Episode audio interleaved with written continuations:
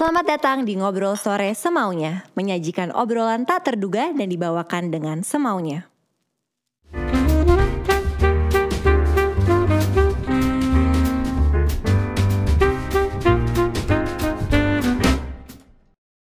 Selamat datang di Ngobrol Sore Semaunya bersama gue lagi Putri Tanjung Hari ini super spesial teman-teman Senang sekali karena kita kedatangan sosok perempuan inspiratif Seorang dokter muda dan juga content creator Langsung saja kita sambut Nadira Afifa Hai Hai Kak Putri. Nadira Hai, kayaknya Nadira aja lah Nadira. ya Sama gak sih umurnya? Lah kamu umur berapa? Aku tahun 95 lahirnya Oh sebenarnya, oh beda Oh, satu tahun ya udah, setahun. Ya ampun tapi kamu udah S2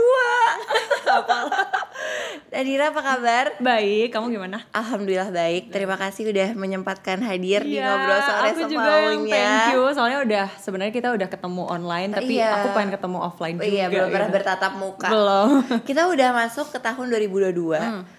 Menurut kamu cepat banget gak sih 2021? Cepet banget, eh, tapi yang gak berlalu gitu aja sih untungnya Iya, kayak benar. banyak hal Kayak kamu juga ngerjain banyak hal, jadi happy juga sama Apa tahun. highlight di tahun 2021 untuk kamu? apa ya uh, pastinya role baru jadi ibu Iya. karena aku lahiran iya udah Lucu ibu-ibu. banget anaknya.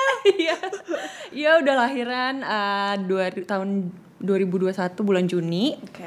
terus sisanya sama sih ya kerja dan lain-lain jadi highlightnya mungkin anak Highlightnya highlightnya menjadi seorang ibu ya. yes highlight terbesar dalam hidup Di sih hidup iya benar. Iya, iya. Kalau misalkan 2022 eh, biasanya Nadira punya kayak resolusi gitu gak sih? Kayak resolusi Oh, iya. 2022 gitu. Sebenarnya tiap tahun punya, cuma kayak apa ya tercapai atau enggak nggak tahu nih karena kan baru adapting juga nih jadi ibu gitu kan. Aku sih mau beberapa exciting project juga, Oke. ada mau buku baru di tahun depan, terus mau sekolah lagi sebenarnya tapi nggak tahu jadi atau enggak doain Oke. aja. Mau Amin. spesialis lagi. Mau spesialis lagi. Yes. Jadi aku selalu penasaran nih sebelum kita ngobrol-ngobrol Ya. lebih lanjut, kita ngomongin dulu soal masa kecil. Hmm, Biasanya ya. kan kalau waktu kecil tuh semua cita-citanya jadi dokter, polisi. aku ingat banget karena waktu kecil tuh aku suka banget main dokter-dokteran. Iya, bener-bener. Kalau Nadia dari kecil emang udah pengen jadi dokter atau punya cita-cita lain? Enggak, sebenarnya jadi dokter tuh mainstream banget pasti kayak cita-cita dari orang tua nggak sih biasanya Iya, kan. bener. Sebenarnya gue tuh pengen jadi arsitek dulu karena Oke. bokap gue tuh arsitek.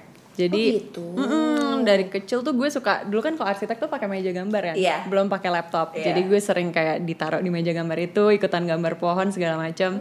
Jadi gue suka matematika, suka sketching. Iya. Terus tapi pas udah SMA pokoknya dari keluarga terus dari guru juga ngarahin ke dokter aja gitu. Jadi ya udahlah gue coba dan akhirnya memang kecemplung di medis aja deh sampai sekarang gitu. Terus gak pingin lagi kayak mencoba di dunia arsitek? Iya sebenarnya gue iri banget kalau lihat kayak teman gue bikin market dan lain-lain Iya. gitu kan. Cuma kayaknya gue udah terlanjur suka sih sama kesehatan Sama gitu-gitu. kesehatan. Tapi tetap side projectnya gue suka ngedesain juga, belajar gitu. sketching juga gitu sih. Oh iya kan. Gue tuh dari dulu sebenarnya pingin banget bisa sketching, tapi emang nggak nggak nggak punya inosensi aja. Jadi nggak pernah bisa. Padahal waktu kecil tuh suka banget ngegambar. Iya iya iya. Tapi kan kalau menjadi dokter itu kan butuh proses yang panjang ya. Banget. Iya kan? Karena ibu bapakku dokter. Oh I- iya, ibu bapakku dokter dokter ya. gigi. Iya, benar-benar, Nah, benar. menurut kamu sebenarnya dari proses itu apa sih proses yang terberat? Menurut gue kayaknya proses sekolahnya sih sebenarnya Hmm. sekolahnya itself. Karena waktu udah praktek tuh sebenarnya menyenangkan gitu loh. Lo kayak punya independen buat ngerjain pasien lo sendiri Iya. gitu.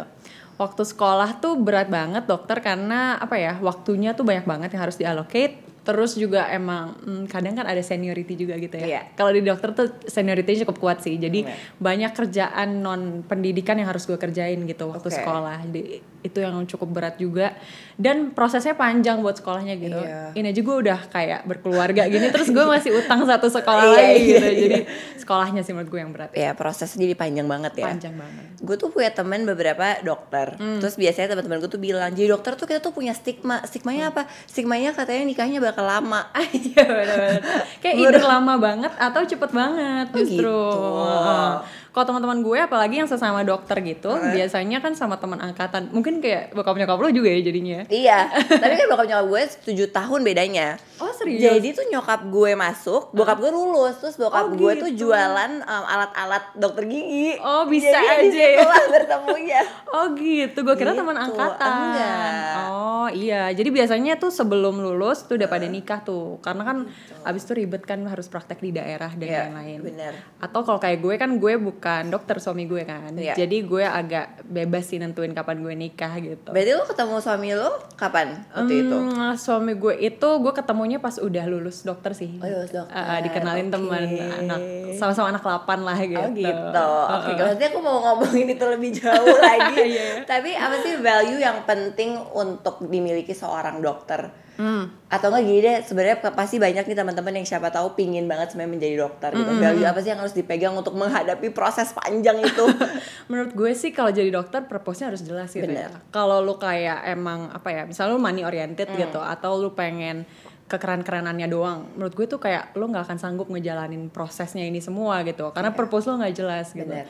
Menurut gue ada certain karakter yang emang cocok jadi dokter. Misalnya lo emang gak ngejar duit gitu. Kayak lo enjoy uh, ngobrol sama orang Iya. ngebantu orang. Nah itu tuh bisa sih jadi dokter gitu karena even sampai sekarang pun kalau misalnya money oriented tuh dokter nggak ada gitu nggak ada nggak ada uangnya sebenarnya gitu karena lo cuma bantuin orang doang unless lo jadi spesialis nanti gitu Oke. tapi lu mau setinggi apa pun jadi dokter kalau lo kayak orientasinya duit kan kayak nggak enak Nggak- gitu nggak enak ya. jadi susah Waktu itu awal pingin banget menjadi dokter, purpose Nadira. Sekarang dan waktu awal masuk itu beda nggak? Berubah nggak sih Nadira? Eh, kalau in general sama sih. Oke. Gue kenapa mau jadi dokter karena gue pengen yang kliennya tuh orang langsung gitu. Iya. Kalau arsitek kan ya sebenarnya kliennya orang sih, cuma kan gue mostly gambar gitu Oke. ya. Gue tuh suka ngobrol, jadi gue pengen kayak yang emang banyak interaksi ngobrol gitu. Jadi awalnya itu sampai sekarang pun seneng karena itu juga. Jadi that's why kalau gue jadi dokter spesialis pun nggak mau yang kayak bedah atau anestesi Iya. gitu kan, karena Iya. diem aja gitu. Gue Iya. nggak suka. Terus eh, makin ke sini sih makin lebih apa ya klise sih tapi kayak ngebantuin orang seneng aja sih gitu karena even thank you aja tuh seneng banget gitu. Rasanya beda ya. Beda Iya, rasanya apalagi aku- pasien pertama dulu Bener. seneng banget. Bener. Dan waktu habis lulus dari UI kan langsung melanjutkan master ke salah satu kampus terbaik dunia ya, itu Harvard gitu. Nah triggernya apa sih waktu itu pingin ngambil jurusan Global Health and Population? Hmm ya sebenarnya gue kerja dulu 2 tahun Oke. setelah lulus dari UI. Terus eh, jadi waktu itu gue tuh diassign ke satu pasien emang satu doang nih selama sebulan. Ya. Waktu itu pasien gue tuh TBC, Oke. tuberkulosis. Terus habis itu eh, karena gue satu bulan eh, sama dia doang, gue tuh sampai home visit gitu lah, Oke. tahu keluarganya segala Iya. macem. Kayak gue baru sadar oh ternyata tuh banyak masalah yang kayak dokter doang nggak bisa ngerjain gitu. Kadang yang bikin pasien menderita tuh bukan disease-nya itself, Iya. tapi kadang masalah sosial yang lain kayak mungkin nggak punya insurance atau kayak di stigma sama orang gitu loh atau dipecat dari kantor kayak Iya, gitu iya. dan itu tuh menurut gue kayak requires good policy gitu lah Oke. untuk bisa nyelesain masalah sosial Iya. itu jadi makanya gue tertarik banget buat belajar tentang health policy sebenarnya Iya. Terus gue apply ke Harvard belajar yang global health tapi gue tertariknya banget ke health policy-nya waktu di sana. Jadi itu sih kenapa gue mendasari pengen public health gitu ngambilnya. Oke, nah waktu itu kan di tahun 2020 kan udah selesai nih kan pendidikan Yes. masternya. Terus habis itu sempet rame kan soal Nadira Kayak semua orang ngomongin Nadira Iya, gitu. Tiba-tiba kayak menjadi sosok yang kita look up to. Waktu itu sebenarnya kayak Kan banyak yang bilang menjadikan Nadira panutan. Feeling pressure gak sih? sebenarnya tuh gue sampai sekarang agak gimana gitu kalau misalnya masih dibahasnya soal gue wisuda Itu, gitu iya. karena itu itu cuma wisuda gitu Betul. bukan yang kayak gue contribute atau apa Iya. gitu kan feeling pressure sih sebenarnya iya banget sih. Jadi soalnya apa ya kan biasanya nggak ada orang yang tahu gue gitu cuma teman doang. Jadi terus gue diketahuinya dulu karena gue lulusnya dari Harvard gitu. Iya. jadi di pikiran gue orang pasti expect gue buat kayak ngapain Iya. gitu kan atau jadi staf sus presiden gitu atau ngapain gitu. Jadi sampai sekarang tuh tiap gue mau ngerjain sesuatu sebenarnya feeling pressure banget sih. Iya. takutnya nggak sesuai ekspektasi orang. Tapi kan itu yang kadang ekspektasi itu kita sendiri Kita sendiri bikin, kadang iya. nggak ada mungkin nggak ada yang mikirin gue juga sebenarnya gitu tapi ya terus sih sampai sekarang ke pressure banget. Iya, tapi gue juga suka merasakan Terus habis itu tiba-tiba gue kayak anxious sendiri gitu loh. Iya iya. Padahal kadang-kadang mungkin kayak kayak gak ada, yang, gak ada yang peduli sama gue Kayak gue doang deh yang nge-pressure dan Iya. membuat ketakutan itu semua sama Iya, gue kan. seru, seru, Tapi kalau misalkan apa sih perbedaannya Nadira kayak dulu saat orang belum misalnya banyak yang tahu lo Terus tiba-tiba sekarang kayak semua orang tahu lo. Apa kayak Perbedaannya. Eh, kalau yang jeleknya sih menurut gue dulu gue kalau punya goal itu emang karena gue yang mau gitu. emang ini dia. emang gue yang ngejar sendiri, gue yang mau.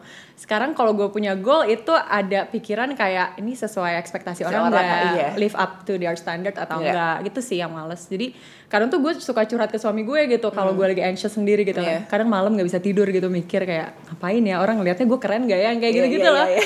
Terus kata suami gue, kamu gak usah kepedean, gak ada yang mikirin kamu juga. gitu.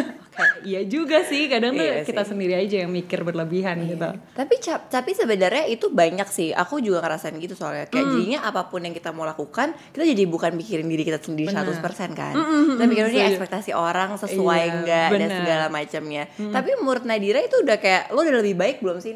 Nah, apa di- dari sisi itu, apakah itu masih menjadi kayak core lo? Apa udah kayak lumayan lebih sans sekarang? Gue udah lebih sans, karena mungkin itu kan udah 2020 ya, Iya. waktu gue pertama kali Iya. kayak banyak yang tahu gitu. Udah lebih sans, tapi itu masih kayak jadi major part banget sih di diri gue gitu. Tiap gue mau ngapain, kayak gue mikir nih keren enough nggak dilihat orang kayak gitu sih. Iya. Dan itu jadi pressure yang nggak penting sebenarnya gitu. sih.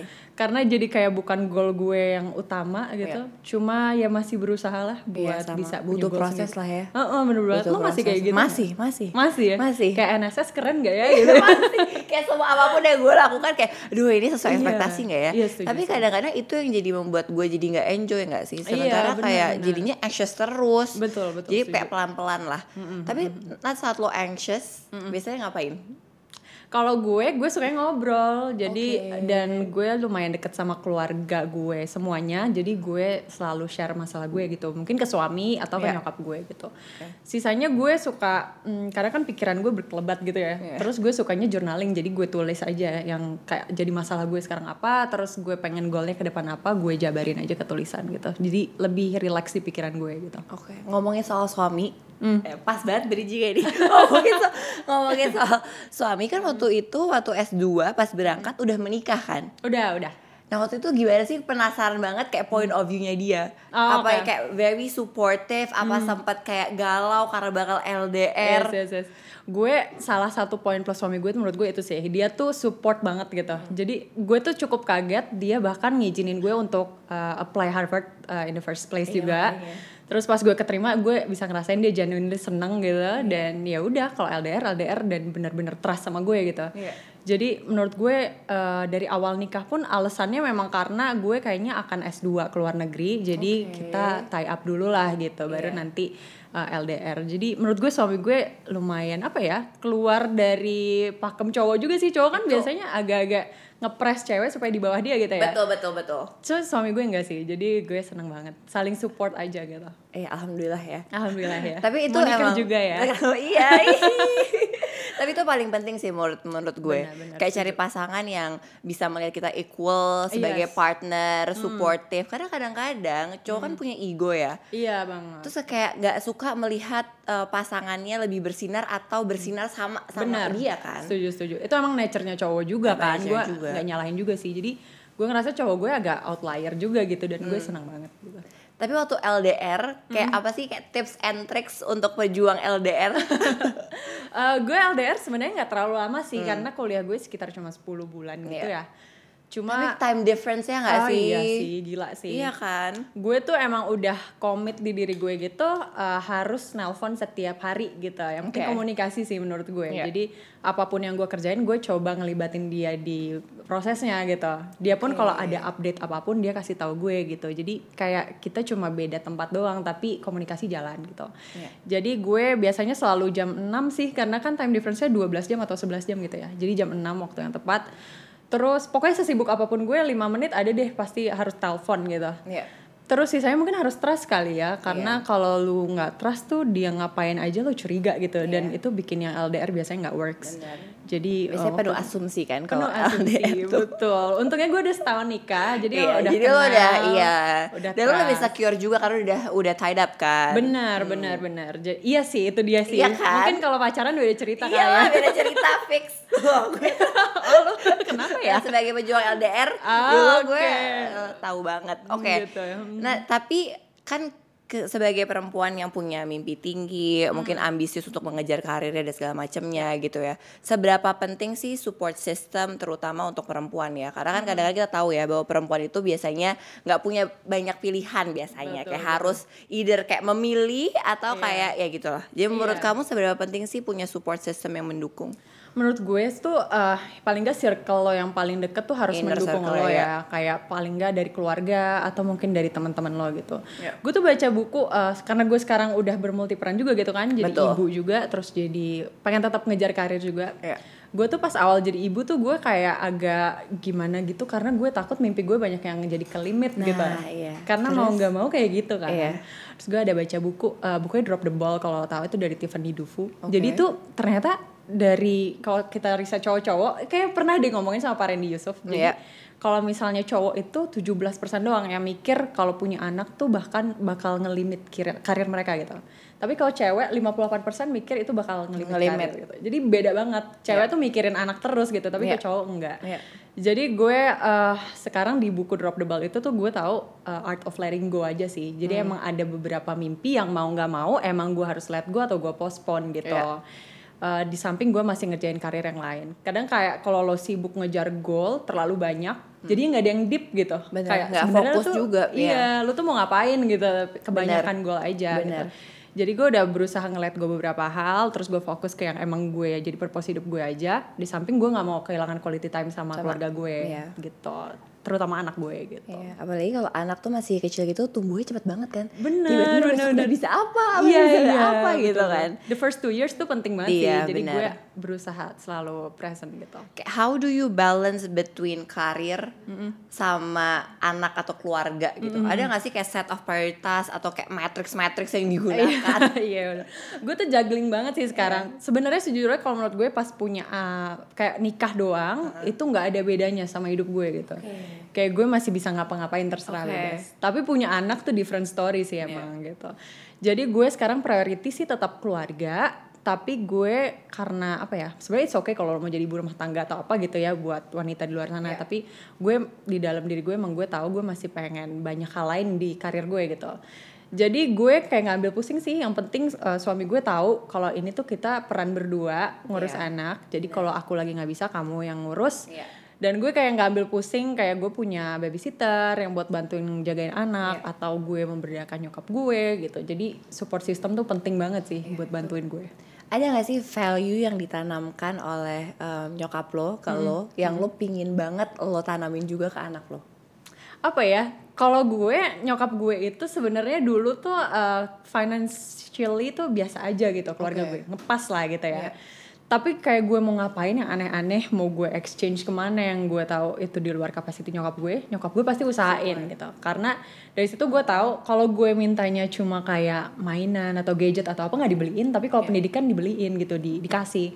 Jadi pendidikan tuh nomor satu dan itu yang mau gue tanamin ke anak gue gitu. Kalau pendidikan oke bakalan gue support jor-joran tapi kalau untuk yang lain no gitu. Lo harus pakai usaha lo sendiri gitu Oke. sih terus yang kedua mungkin uh, sampai sekarang gue terdidik dekat banget sama keluarga gitu ya. Karena secara rutin nyokap gue tuh pasti ngajakin kumpul. Kayak sampai sekarang tuh seminggu sekali harus ngumpul di rumah nyokap gue gitu. Nah itu yang pengen gue terapin juga di keluarga gue gitu. Karena lo harus attach terus sama keluarga lo gitu sih. Itu nyokap gue juga gitu banget tuh. iya ya Dibiasain kumpul Sabtu Minggu gak boleh ke mana-mana sampai sekarang. sampai sekarang Iya, iya, Terus banget sama sih. keluarga gitu jadi kan kita sih. terbiasa kan Uh, uh, uh, uh, jadi juga deket banget sama keluarga Iya, karena kan kadang kita seiring kita berkarir tuh lama-lama keluarga hilang aja gitu Bener, kan. bener. Jadi harus dikumpulin lagi. Gitu. bener nah selain keluarga ada gak sih sosok yang sangat berpengaruh untuk Nadira di proses berkarir ini Apa ya? Suami gue keluarga juga ya. Iya, hitungannya.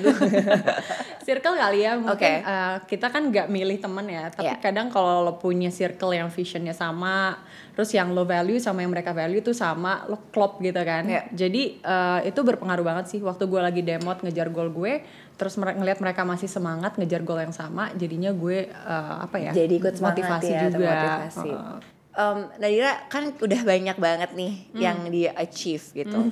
Apa sih next goal yang ingin dicapai? Hmm. Apakah nantinya akan bis, misalkan kayak berganti peran gitu? Apa emang terus pinginnya berkecimpung di dunia kesehatan? Sebenarnya gue sekarang lagi exploring education sih. Oke. Gue suka pendidikan karena menurut gue in general kalau orang sekolah tuh bisa jadi apa Benar. aja gitu kan. Jadi gue lagi exploring pendidikan juga. Eh, pengennya di dua itu sih. Cuma gue rasa kayak apa ya? Gue lagi quarter life crisis sih. Kayak gue tuh mau ngapain ya? Gue Iya, juga gue- gue bingung. juga- gue juga. Iya. kayak gue tuh lima tahun Oh lagi mau ngapain? seorang lo, lo quarter life crisis. iya masih lo, lo juga. iya, gue juga. Gua kira lo udah jelas. Gue baru 25 kan kemarin. Oh, iya, iya, Gue tuh iya, September, gue baru- dua- September 2021 gue tuh baru 25. Oh iya iya. Terus gue kayak uring-uringan gitu, oh my god, gue 25, quarter life crisis Kayak beneran 25 Kayak gitu ya? kebanyakan baca ini deh, kayak Apa baca ya? buku, nonton Youtube, ya kan, Kayaknya deh. 25, 25 gitu Heeh, heeh, heeh. Iya jadi gue masih bingung sebenarnya kayak gue tuh tadinya tuh gue pengen banget jadi menteri kesehatan put. Oke. Tapi terus terus gue jadi curhat. terus gue kan kemarin uh, ada sempat kerja sama Pak Menkes kan. Iya. Intinya Pak Menkes tuh ada staff milenial Iya. gitu lah. Gue kerja tapi mungkin momennya kurang tepat ya. Gue lagi hamil gitu. Hmm. Iya. Jadi everything kayaknya stressful banget buat gue gitu. Oke. Jadi gue kerja terus kayak meeting pertama kayak meeting gue terpagi tuh di jam setengah empat pagi kayak gue Iya. pulang jam satu Iya. terus eh, tapi gue nggak mau komplain karena Pak Budi pun kerjanya lebih gila Lagi, lagi, gitu jadi benar. bos gue aja kayak gitu kenapa gue komplain gitu kan Benar. jadi gue ngerasa kayaknya jadi staff aja gue kayak gini gimana gue jadi menteri ya kayaknya Iya. nggak sanggup deh jadi gue lagi mereconsider mimpi gue lagi terus jadi nggak tahu mau jadi apa Tapi lo masih terbuka dong dengan mimpi itu. masih, Masih, sih kan? mungkin kehidupan menteri lebih baik gitu ya di masa yang akan datang nggak tahu tapi kayaknya gue lihat luar biasa deh kerja menteri-menteri itu jadi gue nggak tahu gue sanggup atau Berarti berarti lo emang pingin masuk ke government ya? yes gue suka banget policy sebenarnya Oke. I thought gue suka policy sih, tapi pas kemarin actually ngerjain policy lo kok capek banget Capek ya. banget ya, gitu. Pusing lah gitu, tapi gue suka sih in general. Oke. Mungkin kayak sep- 10 tahun lagi kali ya. 10 eh Kayaknya cepet banget 10 deh bu, tahun- 10 kayaknya. tahun lagi. Lo mau- Nggak tahu lah. gue nggak tahu. Maunya sih gitu ya, kayak 2045. Iya, gitu. 2045. Gue, gue mau. Oke. 20 ya. Tapi kalau misalkan let's say kayak 10 tahun lagi gitu ya. Hmm. Lo bisa melihat diri lo lagi ngapain di Hmm. 10 tahun mendatang. Gue tuh into non profit banget sebenarnya. Oke. Jadi gue ngelihat mungkin gue akan punya NGO atau punya foundation gitu. Oke. Terus udah selesai spesialis, jadi gue masih lagi praktek. Eh, mungkin kayak policy making dan lain-lain gue bentuk di NGO gitu. Tapi pengennya sih masuk ke government udah di 10 tahun lagi. Oke. Hmm. Kita doakan ya teman-teman. Amin. Kan lu udah nemuin passion lo, gue tuh belum. Jadi ya gue masih udah lah sebenarnya. Gak tahu lah. Tapi at least lo udah punya tema besarnya. Iya, punya sih. Iya gak sih? Karena itu biasanya yang lumayan um, kita sebagai anak-anak ya. muda struggle kan. Iya, betul, Gitu. betul, Jadi betul, betul. kayak tenang nggak usah kayak tahu specific passion, Benar. tapi at least kayak tahu tema besarnya nih kita Benar, mau menuju benar. ke mana. Nah gue tuh orangnya sebenarnya tuh rigid banget, Hmm. tapi suami gue tuh orangnya fleksibel, jadi kayak apa apa tuh ya sihau lah sihau. Gue tuh sebel banget kalau dia sihau sihau gitu, karena gue pengen tuh plannya rigid gitu. Nah, kebalik. Kebalik ya? Jadi calon suami gue itu super rigid. Oh iya. Gue yang fleksibel. Oh masa sih? Iya. Gue bilang lo rigid banget gitu. Ya gue fleksibel, tapi ya gue lumayan terstruktur lah. Oh iya iya. tapi iya, aduh calon suami gue terstrukturnya sangat luar Jangan- biasa. Iya, bener-bener. Tapi komplement lah jadinya kan. Iya, komplement sih. Iya sih, in a way gue jadi agak fleksibel sekarang. Iya. Dan dia agak punya tujuan, tujuan itu. Oke, dan sebelum kita ke pertanyaan terakhir, kita main game dulu. Oke. Ada namanya eh, jawab semaunya. Jadi Oh, tinggal dijawab semaunya, nggak usah mikir. Oke. Oke? Oke. Eh, agak cepet ya, jadi kayak burning question gitu. Yes. Ketika bangun pagi, hal apa yang langsung gue pikirkan? Hmm, to do list. Ih sama. Waktu kecil hal apa yang paling memalukan atau unik yang pernah gue alami? Hmm, apa ya? Oh, eh, gue dulu waktu SD tuh eh, gue tuh naik prosotan tapi bukan kayak dari tangga aja gitu, jadi dari bawah gitu. Oke. Gue merayap dari bawah. Emang agak-agak kayak anak-anak gak bener gitu. Terus eh, temen gue dengan santainya merosot dari atas, jadi gue Ya ampun, ketabrak. ketabrak. Terus gigi gue patah.